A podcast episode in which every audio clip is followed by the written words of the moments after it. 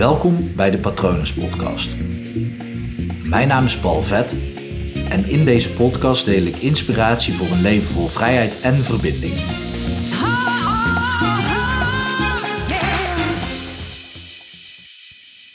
Voordat je zeker weet dat je het wilt, zul je het ook eerst moeten ervaren. Ik heb drie jaar geleden, is dat drie jaar geleden? Volgens mij is dat drie jaar geleden, twee jaar geleden, uh, twee jaar geleden een uh, reis georganiseerd naar Nepal. En op dat moment dat ik dat deed, dacht ik ook: dit is het. Dit ga ik de rest van mijn leven doen. Ik ga reizen organiseren naar Nepal en je gaat met mij mee. En ik ga je de cultuur laten zien, laten ervaren, laten proeven. De Nepalese cultuur, de mensen, de hoofdstad. Alles wat daar is, alle mooie dingen, alle vieze dingen ook. Alle gekke culturele dingen, zoals lijkverbranding. Was een optie overigens in de reis, maar eentje die van de mensen die erbij waren eigenlijk alleen maar zeiden: ja, dit uh, moet je altijd in de reis hebben zitten. Um, en ja, dat, dat gaat op een andere manier dan dat je misschien zou bedenken.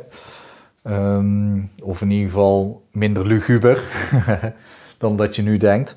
Maar goed, ook de bergen in, de Himalaya in en dan dus aan de slag met persoonlijke ontwikkeling. Dat was toen mijn idee. En ik had het groots aangepakt. Ik had een heel uh, strategic plan, strategisch plan op 1 à 4 gemaakt met een visie en een missie en een uh, big uh, audacious goal. Er zit nog een letter tussen, ik weet even niet waar die voor staat. Met ja, ik wil echt uiteindelijk acht keer per jaar naar Nepal en ik wil mensen opleiden zodat ze de methodiek gaan toepassen die ik had bedacht. En um, uiteindelijk had ik het dan tof gevonden als ik misschien wel een één of twee guesthouses op de berg zou kunnen kopen. Dat daar altijd maar mensen vanuit Nederland zouden zitten. Je kent het wel, echt heel groots dromen. Echt te gek. Dus alles opgezet, website opgezet, artikelen gaan schrijven daarvoor. En uh, aan de slag met ja, uiteindelijk toch deelnemers meenemen. Want ik was zelf natuurlijk al een keer in Nepal geweest om heel die reis uit te stippelen. Maar uiteindelijk is het dan toch zover van ja, je gaat de eerste reis maken.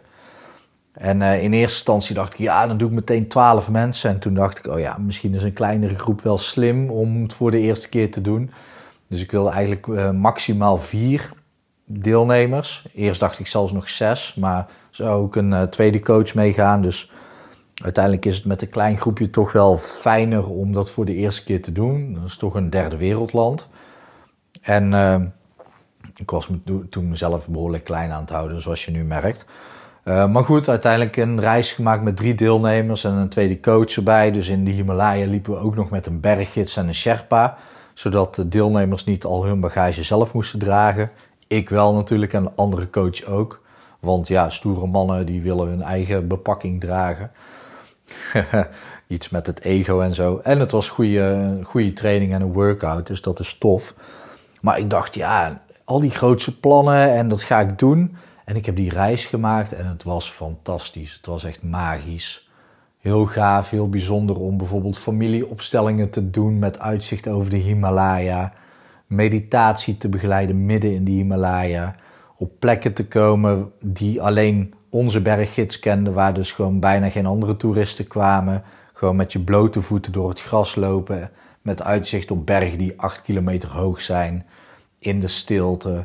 Met ja, ze hadden daar ook boerderijdieren en lekker eten. En ja, gewoon geweldig om dat mee te maken. En dan in Kathmandu de chaos, waar je als je oversteekt moet je gewoon gestaag recht vooruit blijven lopen. In hetzelfde tempo, heel zelfverzekerd. En dan krioel, moeilijk woord, dan krioelen de, ik wou zeggen krioelt, dan krioelen de auto's en scooters en andere dingen die, waar ze op rijden, uh, bussen en zo, busjes, bussen, die krioelen om je heen. Ik moet dat woord niet meer zeggen. Eén grote chaos en dat is gewoon bijzonder om mee te maken. En, en ook de smog en zo en dan de berglucht, de schone berglucht. Nou ja, zoals je merkt, ik vind het echt wel geweldig en de reizen was echt fantastisch. deelnemers vonden het ook te gek. En ja, en dan kom ik terug in Nederland en denk ik, oké, bam, nieuwe reis meteen plannen. Uh, half jaar later, want uh, het seizoen was al voorbij en ik wilde het rustig opbouwen. En ik merkte al richting uh, die datum, ik deed eigenlijk vrij weinig aan verkoop, vrij weinig aan reclame. En toen ben ik uiteindelijk eens bij mezelf gaan nadenken. Toen dacht ik, ik heb helemaal geen zin in alles wat erbij komt kijken. Wat nou als ik inderdaad acht keer per jaar in Nepal zit. Dat houdt dus feitelijk in, want de, de, reis duurt twee weken. Dat ik, ja, als er nog een beetje iets van tussenpoos tussen zit, in bijna een half jaar van, mijn, van elk jaar in Nepal zou zitten. Als ik dan daar ook nog dingen zou moeten regelen voor andere groepen, dan hou ik geen privéleven meer over. En al die verantwoordelijkheid voor al die groepen mensen in het buitenland. Als ik daar zelf dan bij ben, dan, dan is dat nog wel overzichtelijk. Al is dat ook maar de vraag, want wat als er nou wel een keer iets gebeurt tijdens zo'n reis? En ik dacht, wauw, ik heb het nu ervaren en ik wilde het zeker vaker doen, maar zeker geen acht keer per jaar.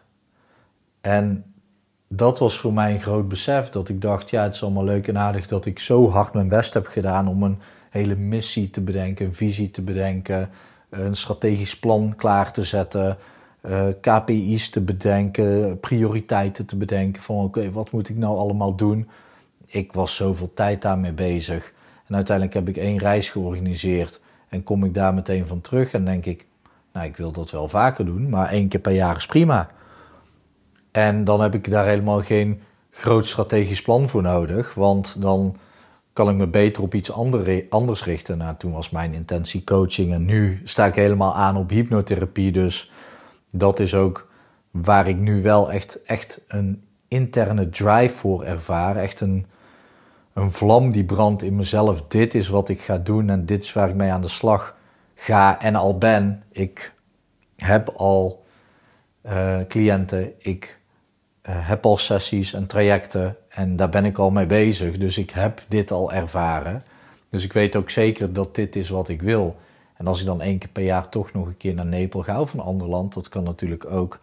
Dan is dat veel makkelijker om ook te kijken binnen de cliënten die ik al heb en binnen het netwerk wat ik daarin aan het uitbreiden ben. Om dan gewoon eens te roepen: hey, we hebben een exclusief iets. En dan is dat veel makkelijker. Dan is dat meer een bijproduct dan dat het het grote is. Dus heel mijn focus is verlegd naar iets wat ik nu heb ervaren en waarvan ik nu weet: oké, dit is wat ik echt wil. Op het moment als ik. Uh, nou ja, dit is voor mij een heel, heel goed voorbeeld.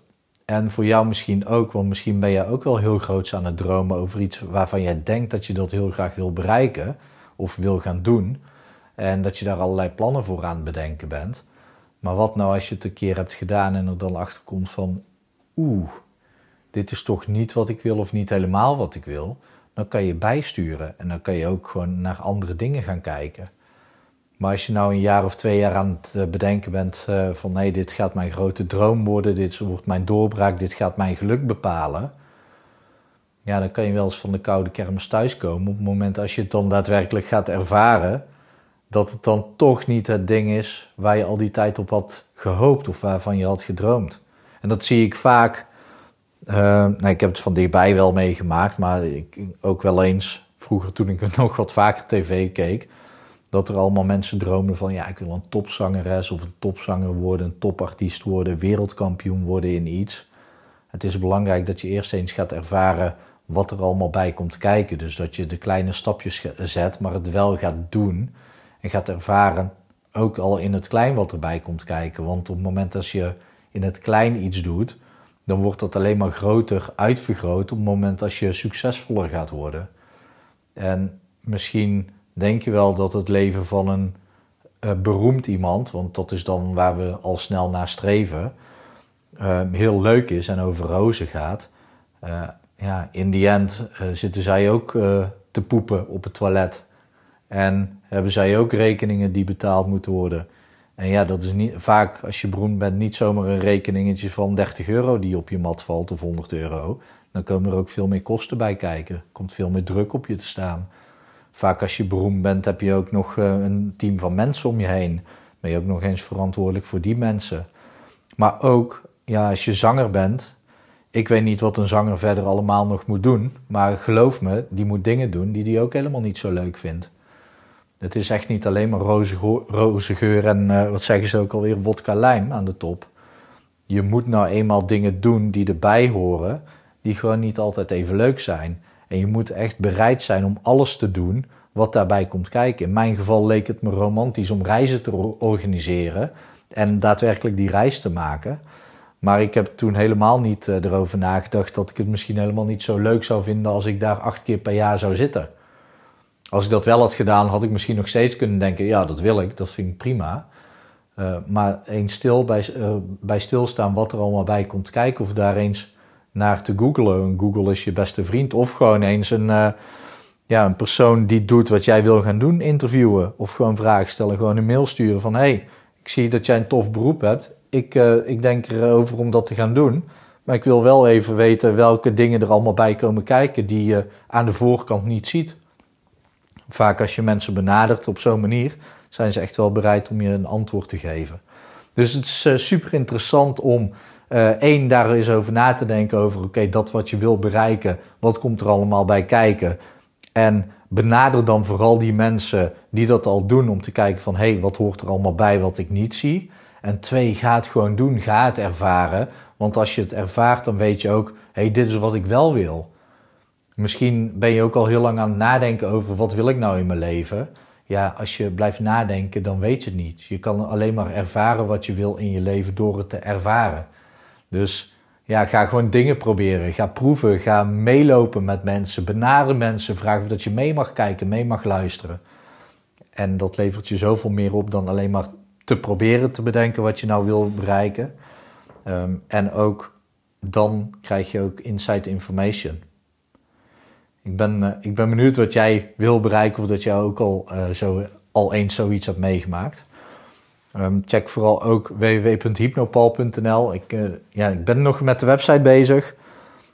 ook zoiets wat, wat erbij komt kijken. Website vulling schrijven. En ja, dat kan ik uitbesteden, maar ik kan het ook prima zelf en ik vind het ook leuk.